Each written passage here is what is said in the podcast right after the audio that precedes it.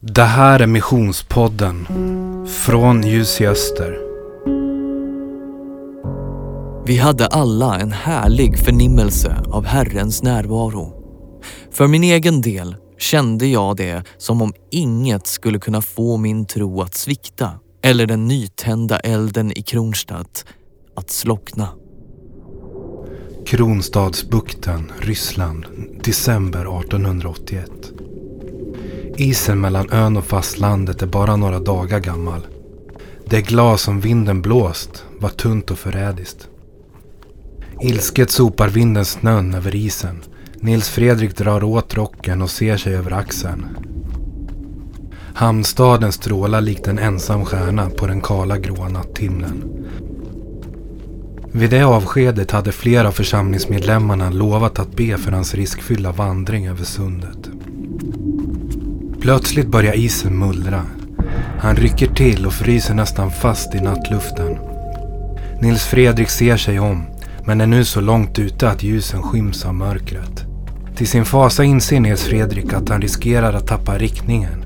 Försiktighet duger inte längre. Bättre då att gå på åt något håll än att hasa sig fram och aldrig komma någon vart. Med bestämda kliv tränger sig Nils Fredrik igenom nattens mörka slöjor. För varje steg bultar djupet med sin näve mot isen. Men en bit bort skymtar han till sist några ljus ut med bukten. Ljuset lyser i mörkret och mörkret har inte övervunnit det, tänker Nils Fredrik och tackar Gud för att isen inte brakat. Med siktet inställt på fastlandet fortsätter han med något raskare takt. Ivrig att få möta det ryska folket. Nils Fredrik var inte sen med att uppfylla sitt löfte till ambassadören.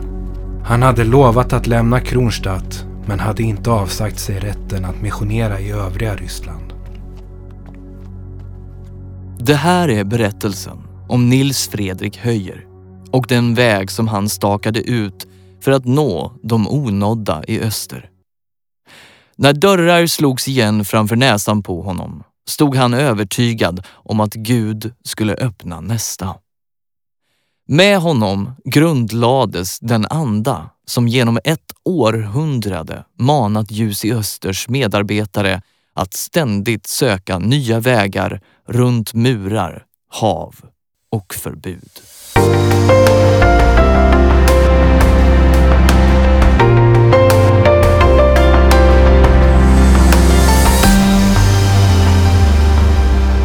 Nils Fredrik Höjer, en av initiativtagarna till Kommittén för evangelisk mission i Ryssland, senare kallad Slaviska missionen och nu för tiden Ljus i Öster, föddes i Svanskogs socken i Värmland år 1857 i en tid av globalisering pådriven av vidsträckta järnvägsbyggen.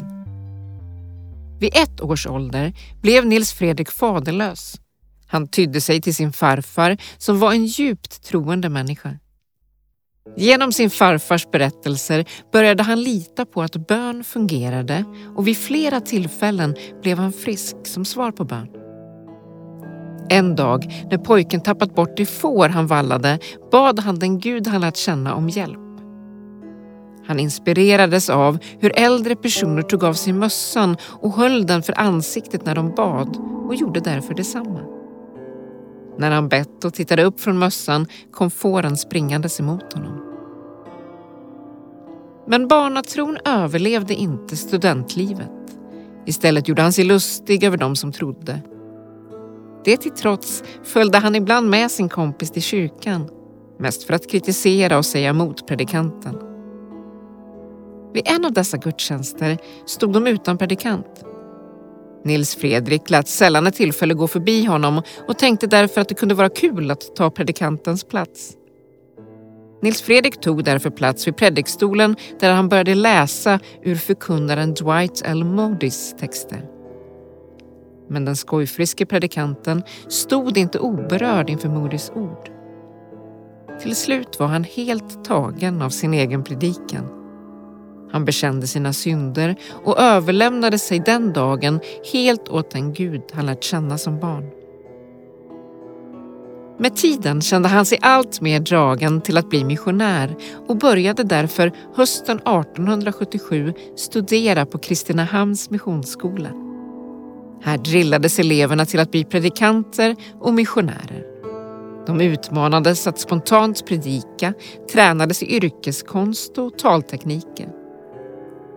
De blivande missionärerna var noga med att förbereda sig för sin uppgift. Nils Fredrik var så mån om att förbereda sig så att han till och med simulerade sin egen flykt. Han och en entusiastisk lärare steg i land på en ö i Vänern där de fiskade och tränades i att undvika lokalbefolkningen. Sommaren 1880 skickades Nils Fredrik, 23 år gammal, av Svenska Missionsförbundet till den ryska staden Kronstadt i Finska viken. Trots att hamnstaden var färgstark med inslag av många kulturer och nationer var Nils Fredriks officiella uppdrag att endast missionera bland svenskarna på ön. Varför då, kan man undra?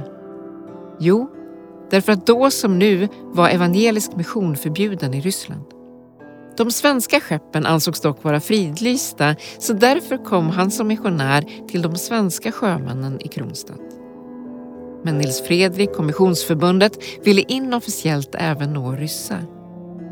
Det anade nog den svensk-norske konsuln Hans Smith. Under deras första möte bad han mer eller mindre Nils Fredrik att dra åt skogen.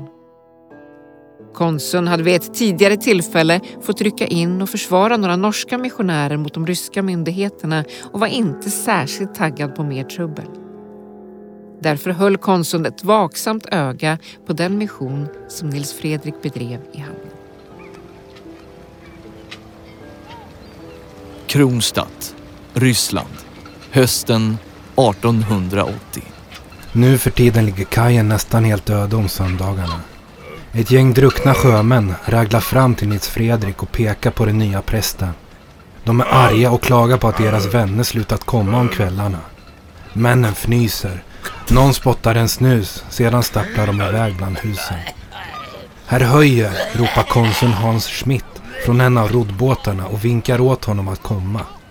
Måsarna gnäller högljutt när Nils Fredrik går emellan och ut på bryggan. Konsuln måste ha hört om mötena och kommer säkert förbjuda dem, tänker Nils Fredrik.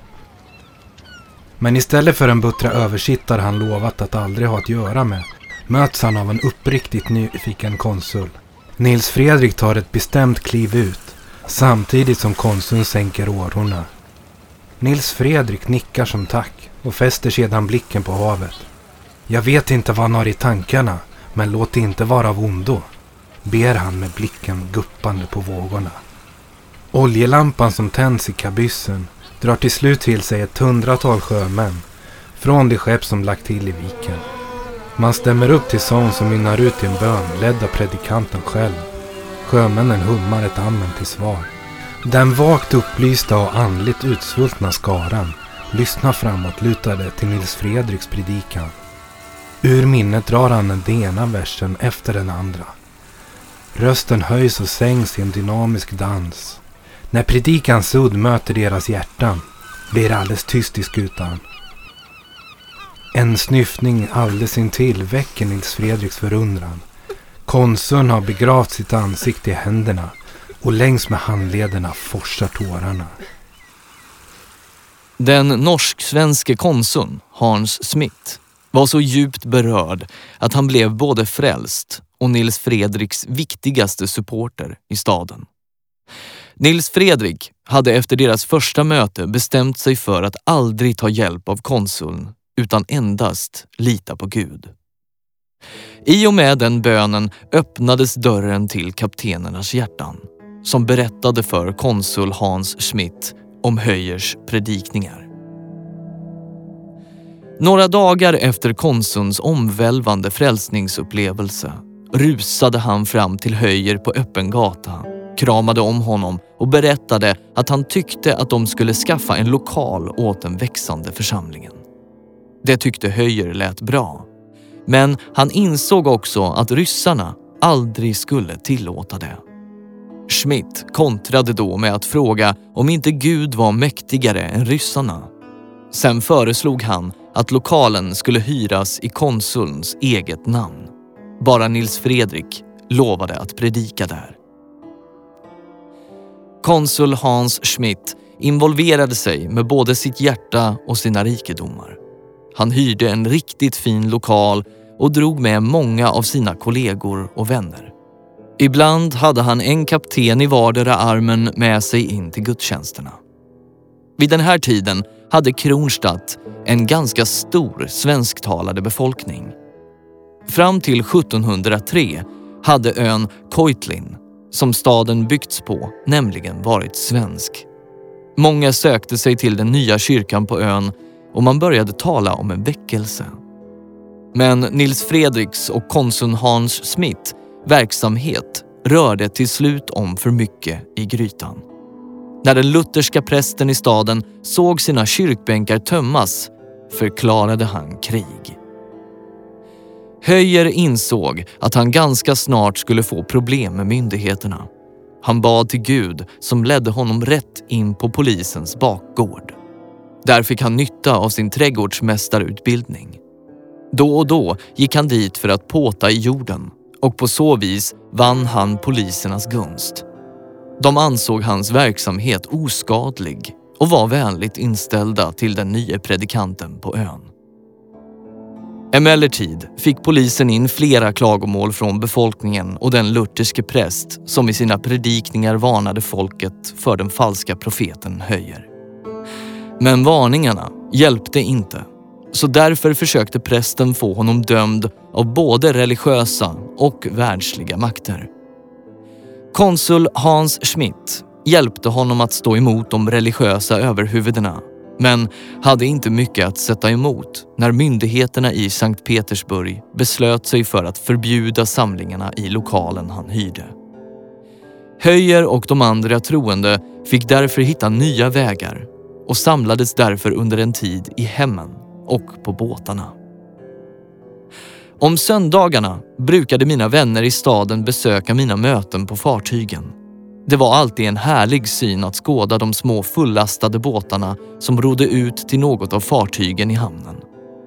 Mina vänner brukade under sina färder till och från fartygen sjunga andliga sånger, vilket väckte stort uppseende och drog många människor till stranden för att se det för dem sällsamma skådespelet.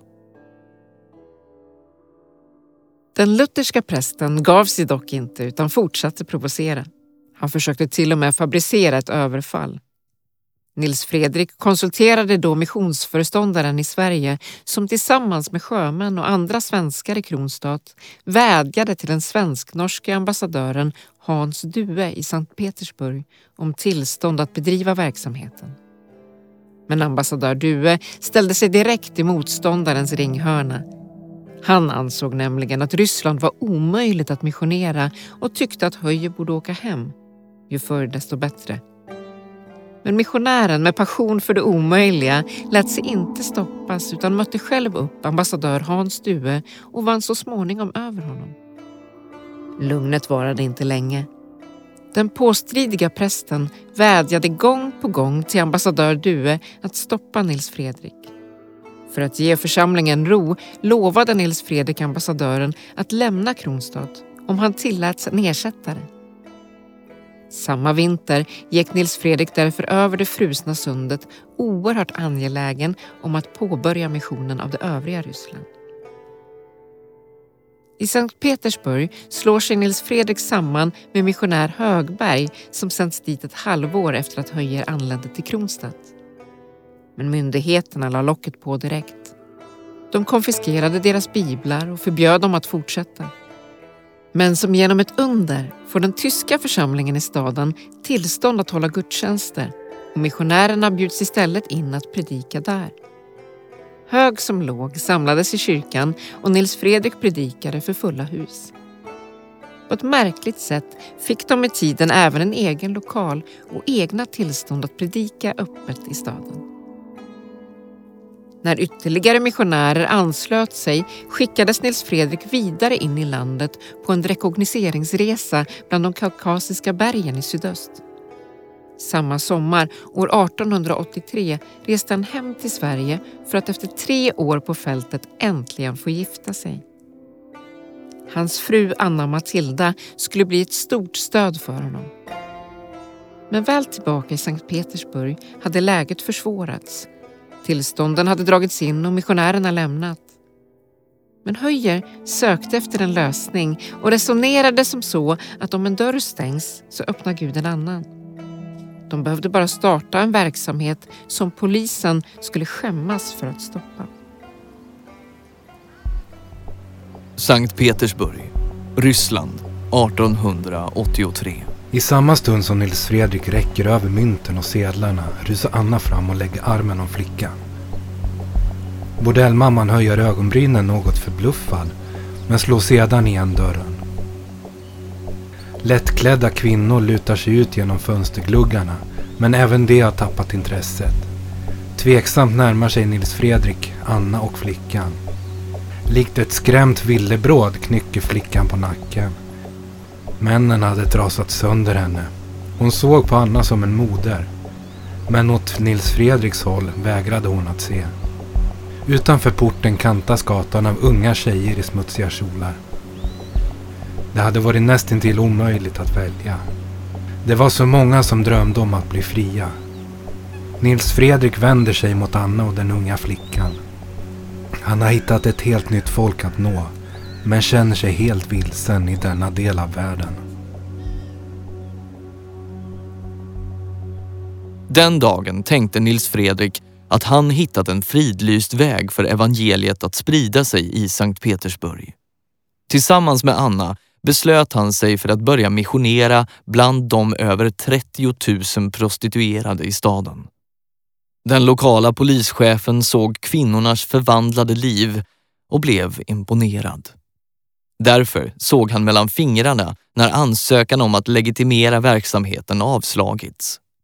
För att skydda kvinnorna och den växande församlingen köpte Nils Fredrik mark och föreslog att de skulle grunda en skyddad koloni.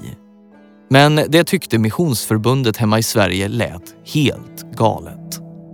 Marken som han köpt och plöjt fick han därför sälja.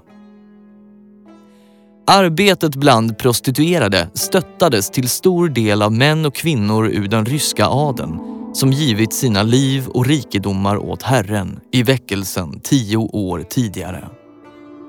Offentliga möten var förbjudna. Men deras palats var så stora att de kunde samla uppemot 1500 människor. Men med mordet på kejsare Alexander den andre försvann dock den toleranta inställningen. En av dessa inflytelserika herrar, överste Pashkov, bjöd därför in företrädare för olika evangeliska församlingar och verksamheter till en konsultation i sitt palats den 24 mars 1884. Från en av dessa konferenser tog Nils Fredrik med sig den värdefulla kontakten med den välkända armeniska språkvetaren Abraham Amirkhanjans och från en annan fick han fly för sitt liv. En av de så kallade tebjudningarna som Nils Fredrik bjudits in att predika vid avbröts abrupt när rysk säkerhetstjänst stormade residenset. Nils Fredrik lyckades fly genom en lönndörr men nu började det bli riktigt svårt att bedriva fortsatt verksamhet. För att komma runt lagarna startade han en nykterhetsrörelse som fick både tillstånd och efter tio år 2246 medlemmar. Men efter att ha hjälpt en jagad rysk kristen militär fly landet sätts paret Höjer under span och de beslutar sig för att försöka lämna staden i hemlighet. De hoppar på tåget till Odessa, sen båten över Svarta havet till hamnstaden Batumi i Georgien. Den 4 mars 1885 välkomnas makarna Höjer till högsommarvärme i Tbilisi i Georgien av Abraham Amichajans som vi berättade att Nils Fredrik lärt känna på greve Paskovs hemliga konferens året dessförinnan. Abraham blev ett ovärderligt stöd i makarnas framtida mission i området. Han skaffade dem en bostad och hjälpte till med språket. Abraham var en inflytelserik andlig ledare så genom honom fick de kontakt med många andra kristna. Han var barn av en väckelse som hans far var med om att leda i början av 1800-talet. Den hade med tiden kuvats av ortodoxa kyrkan. Men 50 år senare var missionärerna i och med Nils Fredrik och Anna tillbaka i landet och i Tbilisi kunde man under Abrahams vingar verka ganska fritt. Men Nils Fredrik var rastlös och ville vidare österut. Dessutom hade han under sin rekognoseringsresa hört talas om en levande legend. Shamaki, Azerbajdzjan, sommaren 1885. Ropen från minareterna minnar ut över staden. Daggen gör luften fuktig och väcker tillsammans med gryningen färgerna runt om dem till liv igen. Strån och träd uppe på de gröna bergsmassiven. Färggranna tyger och stenar bland husen uppe på kullarna. Nils Fredrik tar Annas hand och hjälper henne ned från sadeln. Hästarna drar bestämt i betslet åt en pålande bäck som lockar bland buskarna. Han tar ett fast grepp om betslet och börjar leda hästarna längs stigen som slingrar sig ned för sluttningen. Han ser sig om. Anna sitter på huk och betraktar några av blommorna i gräset. Han beundrar henne verkligen. Hon har flytt från rysk säkerhetspolis, korsat både hav och berg för deras gemensamma längtan att nå de onådda. När makarna höjer når stadskärnan står solen högt på himlen. Mellan kullerstenarna ilar en ödla ostört. Torget ligger öde. Av den praktfulla marknad som en gång blomstrat ut med sidenvägen återstår bara ruiner. En ung man i vit dräkt och mönstrad huvudbonad går ut ur en av gränderna. Oblygt ställer sig Nils Fredrik i den unge mannens väg. På den knackiga armeniska han har lärt sig och med överdrivna gestikulationer frågar han om mannen kan visa dem vägen till gudsmannen i staden. I en liten gränd, knappt bred nog för att två ska kunna passera, stannar den unge mannen upp och pekar mot en dörr med flagnad gul färg. Här bor han. Den unge muslimen nickar och tränger sig ut emellan makarna höjer. Anna vänder sig mot maken som nervöst kliar sitt röda skägg. Samtidigt som han lägger näven om portklappen och bultar börjar ögonen tåras. Det här var den första delen i berättelsen om Nils Fredrik Höje. Mannen som genom sina resor i fjärran inspirerade till ett hundraårigt engagemang för våra trossyskon i öst.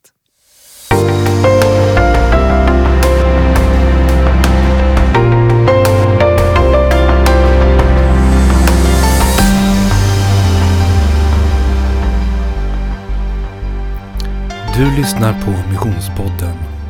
Vi fortsätter nu med ett samtal mellan Magnus Lindeman, direktor på Ljus i Öster, och Marcus Furingsten, fältansvarig på Ljus i Öster. Wow, Nils Fredrik. Alltså vilket mod och vilken tro han har. Ja men verkligen. Och jag menar just när det kommer till Nils Fredrik så, så ligger det ju väldigt varmt och nära våra hjärtan här på Ljus i Öster. Absolut. Eh, Det här är ju någonstans urfaden om man nu får uttrycka sig så. Eller åtminstone pionjären som är med och startar Ljus i Öster. Ja. Så att eh, det är fantastiskt. Och jag, jag fascineras också över hans uppfinningsrikedom. ja. Han är ju verkligen sådär eh, flytande Ja, och låter hela sitt väsen uppfyllas av nya tankar, nya idéer och Ja. hitta nya, nya vägar. När Ja, en dörr stängs så är det liksom alltid någon ny öppning någonstans. ja. Nej, men det, det är så tydligt här. Jag tänker med kontakt med polisen. Han går in och blir trädgårdsmästare, tar hand om plantor och så bygger han relationer. Eh, när sen det stängs för honom att missionera på ett sätt, ja, men då, då blir det mission bland prostituerade.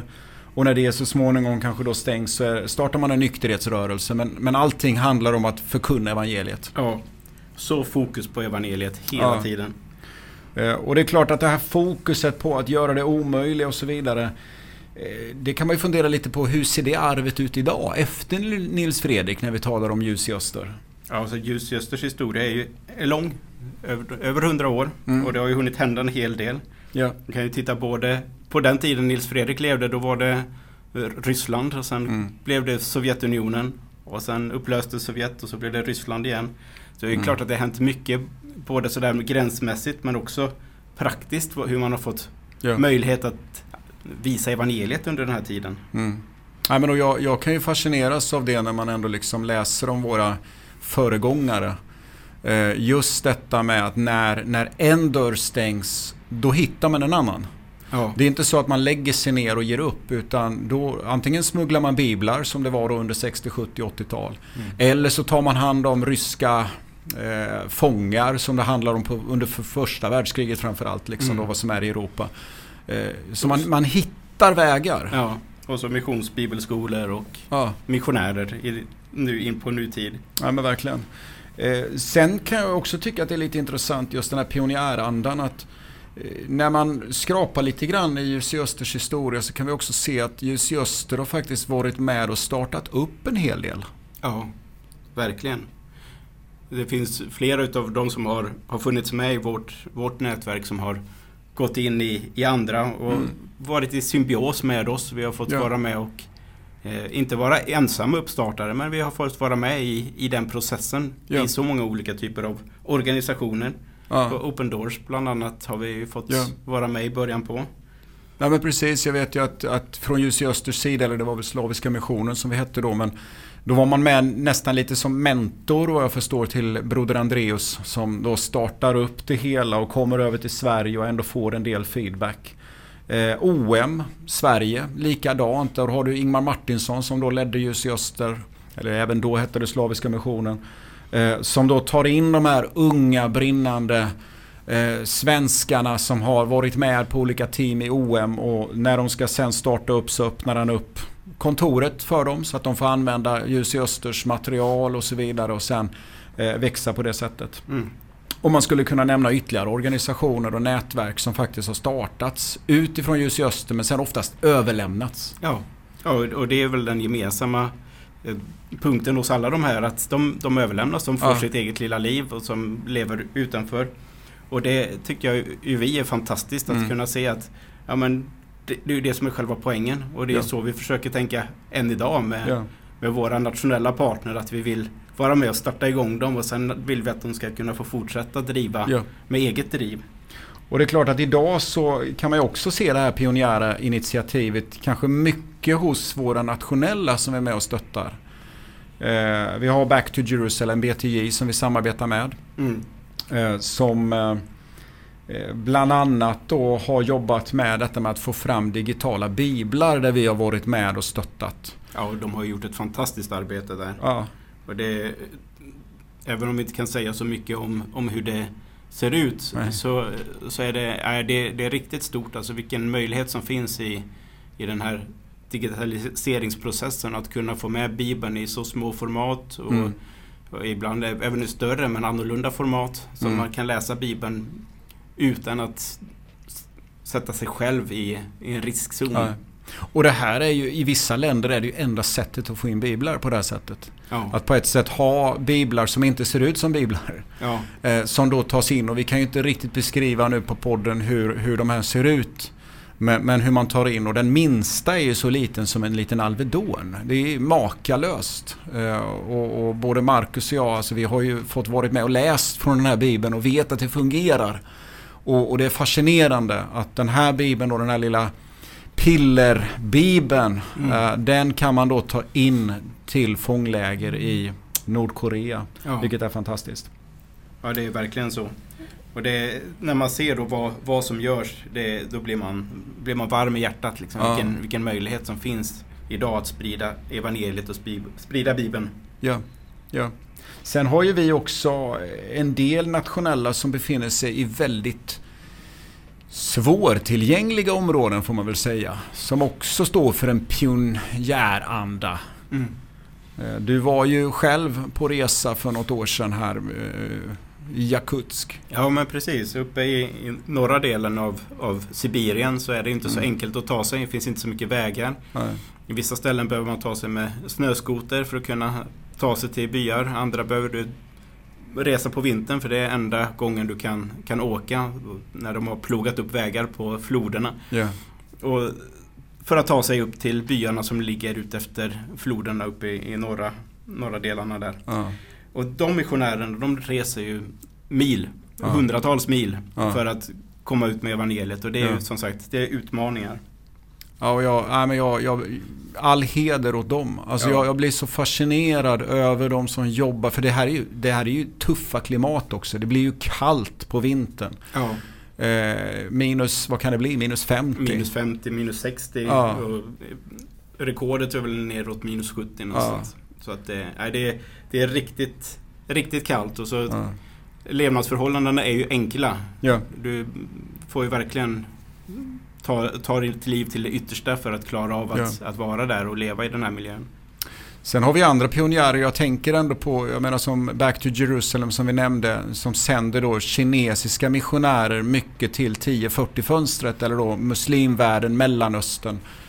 Eh, och som jag också fascineras av just detta med att de går dit där det är tufft och där de till och med kan offra sina liv. Ja, ja det har ju hänt. Så Ja. att det, det, det är riktigt utmanande och samtidigt så de gör det därför att de dels att de vill det men de har ju Mm. också drivet att, att föra ut det här glada budskapet, kärlekens budskap. Ja. Och sen när, när en sån här tuff grej händer, när det blir martyrskap, vad händer då? Mm. Ja, då säger de, ja men det, de är så kärlekslösa där så att vi behöver skicka ännu Ja. fler missionärer dit. Ja. Alltså bara tänka det tankesättet att det var så, inte så farligt utan de var så utan kärlek att vi behöver skicka fler människor med kärlek Ja. dit för att det ska förvandla deras liv. Ja, nej men det, det utmanar. Mm. Eh, Jag tänker vi lever i ett samhälle, jag menar ett västerländskt samhälle där vi ofta sätter oss själva i, i centrum och tänker på vad vinner jag av detta? Och det är utmanande att möta den kinesiska kyrkan och andra också för den delen av våra nationella Ja. som just har det här uppoffrande attityden och, och så va? Och, och där man går all in för evangeliets skull. Absolut. Eh, vad kan vi göra då? Ja, vi kan be. Mm. Alltså, de här pionjärerna som vi har som är ute, de behöver allt bönunderstöd de kan få. Mm. Det finns ingen möjlighet att, att klara det där själv utan det, vi, vi behöver finnas med och stötta i förbönen. Ja. Och sen kan vi också vara med och ge. Eh, och vill du då ge till våra nationella arbetare så kan du då markera din gåva med lokala hjältar. Och då kan du ge antingen via bankgiro eller via Swish. Och, och då är det 936 25. Så 900 3625. Eh, sen om det är så, och det här blir lite utmanande, men om det är så att du skulle vilja ge en större summa. Så är det så att vi har precis egentligen startat upp någonting som vi kallar för Missionsfonden. Som egentligen går i den här pionjärandan. Att vi vill kunna hjälpa när behov kommer upp. Ibland kan det ju vara så att vi jobbar med en budget, vi liksom lägger årsvis. Men sen händer ju saker efter året om man vill vara med och stötta pionjära insatser just när de kommer. Ja. Och då kan det vara svårt utifrån en budget. Men med den här fonden så kan man ju ganska snabbt då lösa sånt. Men då gäller det att vi har pengar i fonden. Eh, så att säga. Så att är det så att du, du lyssnar på det här och känner dig utmanad att ge en större summa. Och, och då kan du få ge in till den här och bara märka då missionsfonden. Så kommer det in i det här så kan vi vara med och stötta olika satsningar. Det är väl ungefär så vi hinner med idag. ja.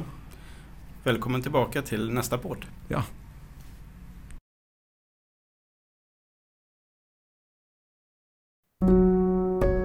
Du har fått lyssna till Missionspodden från Ljus i Öster. Med berättelser om livsöden från då och nu vill vi inspirera dig i din vardag. Vi har pusslat ihop deras livsöden och insett att dessa män och kvinnor utmanar oss till att gå all in för Jesus. I mer än hundra år har Ljus i Öster arbetat med att nå onådda folk. Denna sommar får du chansen att lyssna till och bli en del av vår historia. Du finner oss där man hittar poddar och på vår hemsida ljusgöster.se